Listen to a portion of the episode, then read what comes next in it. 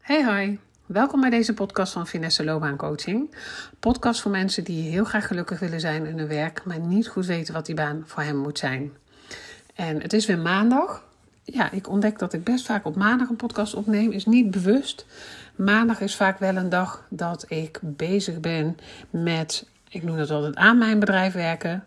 Uh, dan heb ik vaak wat minder coachingsafspraken. Die plan ik wat meer op dinsdag, woensdag en donderdag.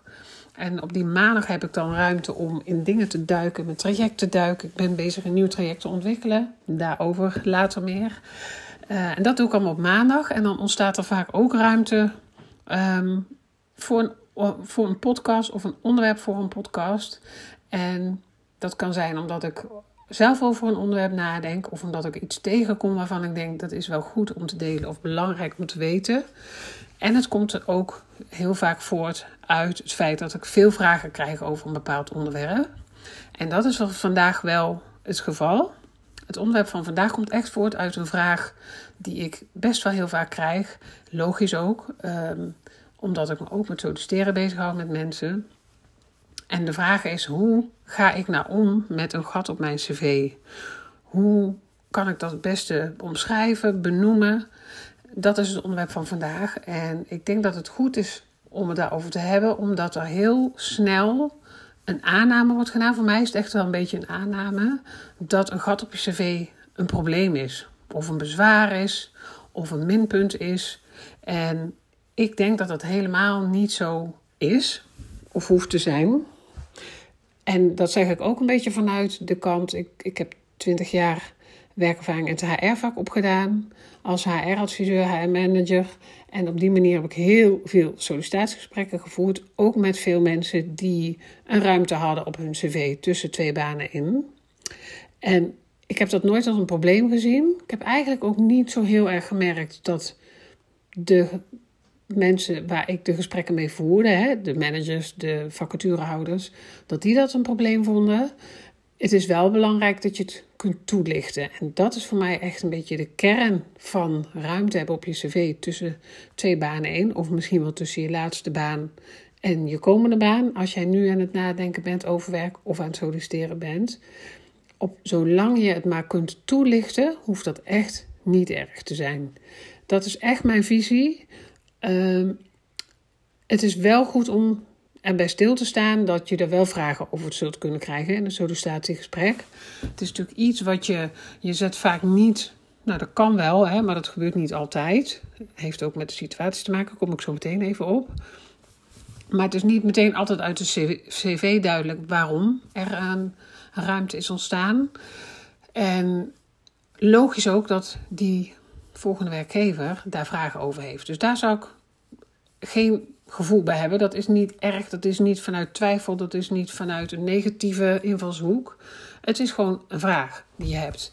Ik heb die vraag ook best uh, regelmatig gesteld in die gesprekken.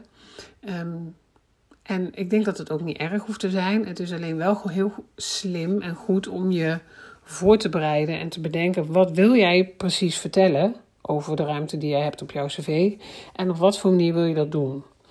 En dan ga ik even een stapje terug naar de verschillende aanleidingen om ruimte op je cv te hebben. Het kan zijn dat je ziek bent geweest of ziek bent. Het kan zijn dat het je niet is gelukt om werk te vinden. Het kan zijn dat je een sabbatical hebt genomen, heel bewust. Of tijd nodig hebt gehad om uit te zoeken of te onderzoeken wat die baan nou precies voor je moet zijn. Het kan ook zijn, dat maak ik wel eh, regelmatig mee met mensen die je coach, dat als je bijvoorbeeld zonder werk bent komen te zitten, hè, als je dienstverband is geëindigd, zijn ook best veel mensen die dan even de ruimte nemen om nou, wat langer vakantie te nemen, ehm, even op adem eh, te komen. is te goed te kijken van, maar wat wil ik nu precies als de situatie zo is? En ik merk dat heel veel mensen een beetje die angst hebben dat dat in hun nadeel gaat werken.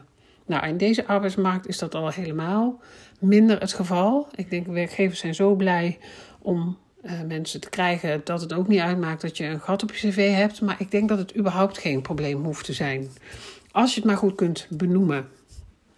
En ik denk zelfs dat het een stapje verder kan gaan. Dat, je, dat, is, dat is ook meteen eigenlijk mijn advies aan jou.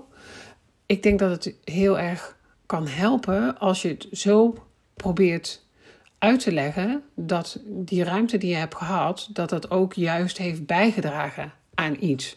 Dat het juist een voordeel voor jou heeft gebracht. Of dat het juist een voordeel kan zijn voor de werkgever. Uh, kijk, als jij bijvoorbeeld een ruimte hebt omdat jij hebt nagedacht over wat die baan nou voor jou moest zijn. Uh, dan kan je dat uitleggen in een sollicitatiegesprek als ik heb daar gewoon heel goed bij stilgestaan. Ik had altijd al twijfel of ik twijfelde. Ik kon doorgaan in een volgende baan op datzelfde vakgebied. Maar ik heb er heel bewust voor gekozen om eerst eens goed stil te staan bij wat wil ik nou precies. Nou, dat heb ik gedaan. Daar is dit uitgekomen. Vandaar dat, vandaar dat ik hier nu zit. Nou, als je dat op die manier brengt, dan is dat dus juist een voordeel voor die werkgever. Het wordt wat lastiger, en dat maak ik ook regelmatig mee met mensen die eh, in een ziekteperiode zitten of dat achter de rug hebben, omdat ik daar wel merk dat mensen dan vaak huiverig zijn van gaat dat niet als een boemerang terugkomen. Als ik eerlijk ben over waarom ik ben uitgevallen of als ik eerlijk ben over waarom ik nu klachten heb, komt ook voor. Ehm, want vaak ga je natuurlijk al ietsje, eerder solliciteren dan dat je ook weer helemaal bent opgeknapt. En je bent je natuurlijk toch al wel wat aan het oriënteren. Nou ja, ik zeg natuurlijk, dat hoeft natuurlijk niet. Hè. Er zijn ook mensen die er bewust voor kiezen om eerst helemaal opgeknapt te zijn. En dat is ook prima. Hierin geldt echt dat je dat moet doen op de manier die bij jou past. Maar die vraag, die kan ik me altijd heel goed voorstellen. Dat mensen zeggen, ja, maar wat zeg ik nou precies op zo'n manier dat het niet in nadeel werkt? Dat die werkgever niet denkt, hmm, die persoon die is ziek geweest of die heeft te maken met fysieke klachten, mentale klachten, kan van alles zijn. En wat als dat risico weer terugkomt? Er zijn natuurlijk werkgevers die daar heel zwart-wit in denken. Die zeggen: Oh, ik, uh, ik voel verzuim aankomen, dat risico willen wij niet lopen. Ja, weet je, dan is die werkgever ook niet de juiste match voor jou, denk ik dan. En dat is misschien makkelijk gezegd voor mij, maar zo kijk ik er echt naar. Ehm, ik heb ooit een heel mooi verhaal gehoord, wel meerdere verhalen, van iemand die op sollicitatiegesprek ging terwijl ze zwanger was. En ze wist dat ze nog een aantal maanden kon werken, daarna met zwangerschapsverlof zou gaan en daarna ook weer wilde werken. En die werkgever heeft daar gewoon aangenomen. Die heeft gezegd: kom maar een aantal maanden werken, dan ga je gewoon met verlof, daarna kom je weer terug. Ja, ik vind dat echt geweldig. Dan denk ik, als je op die manier met mensen omgaat, dan geeft dat ook aan dat je dus een vertrouwen geeft aan een medewerker. En ehm, dat bedoel ik een beetje met de juiste match zijn. Op het moment dat jij bijvoorbeeld hè, fysieke klachten hebt die helemaal niet relevant zijn voor een nieuwe baan, dan, en je werkgever zou toch besluiten, je, de werkgever waar je op gesprek gaat, zou toch besluiten dat dat een te groot risico is, dan is dat gewoon niet de juiste match voor jou. Dan ehm, is het gewoon echt de bedoeling dat je bij een werkgever aan tafel komt die zegt: Nou, dat kan dat je dat achter de rug hebt en dat is voor ons geen bezwaar. Het wordt misschien al wat anders als je, en daar zou ik ook wel realistisch over nadenken. Stel, jij hebt rugklachten gehad en je gaat solliciteren voor een functie waarin jij fysiek zwaar werk moet doen, dan kun je verwachten dat de werkgever daar wel wat dieper op in zal gaan, omdat dat dan ook wat meer een aspect kan zijn in die functie. Dus zo op die manier is het goed om eigenlijk eens goed na te denken: hoe zou je jouw periode die je hebt in je cv, hè, de ruimte of het gat, maar net hoe je het wil noemen, hoe zou je dat willen omschrijven? En welke vragen zou je daarover kunnen krijgen? Als je je daarop voorbereidt, dan overvalt die vraag je ook niet, want ik zou ervan uitgaan dat die vraag toch wel komt. Uh, ik stel hem zelf ook altijd. En dat was echt uit, nou, het feit ik was gewoon benieuwd wat iemand, um, wat de reden was, waarom die ruimte er was. Lag er ook wel helemaal aan, hè, als dat, ik noem maar even wat, drie kwart jaar is geweest tussen een aantal banen geleden, dan kwam het niet eens altijd aan bod. Maar stel hoe recenter het is, hoe groter de kans wel is dat mensen daarna vragen. Zeker als het nu speelt. Maar ja, weet je, die, het is gewoon een van de dingen die we als mens meemaken. Naarmate we ouder worden, hebben we allemaal wel een keer iets meegemaakt wat impact heeft gehad op onze situatie en ook op ons werk.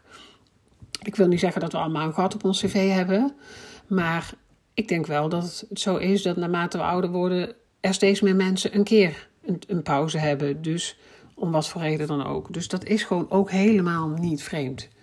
Ik denk ook dat degene die de gesprekken met je voeren, dat die daar zelf misschien ook wel mee te maken hebben gehad. Dus het begint denk ik al bij een, een beetje bij zelf daar niet een te groot punt van maken.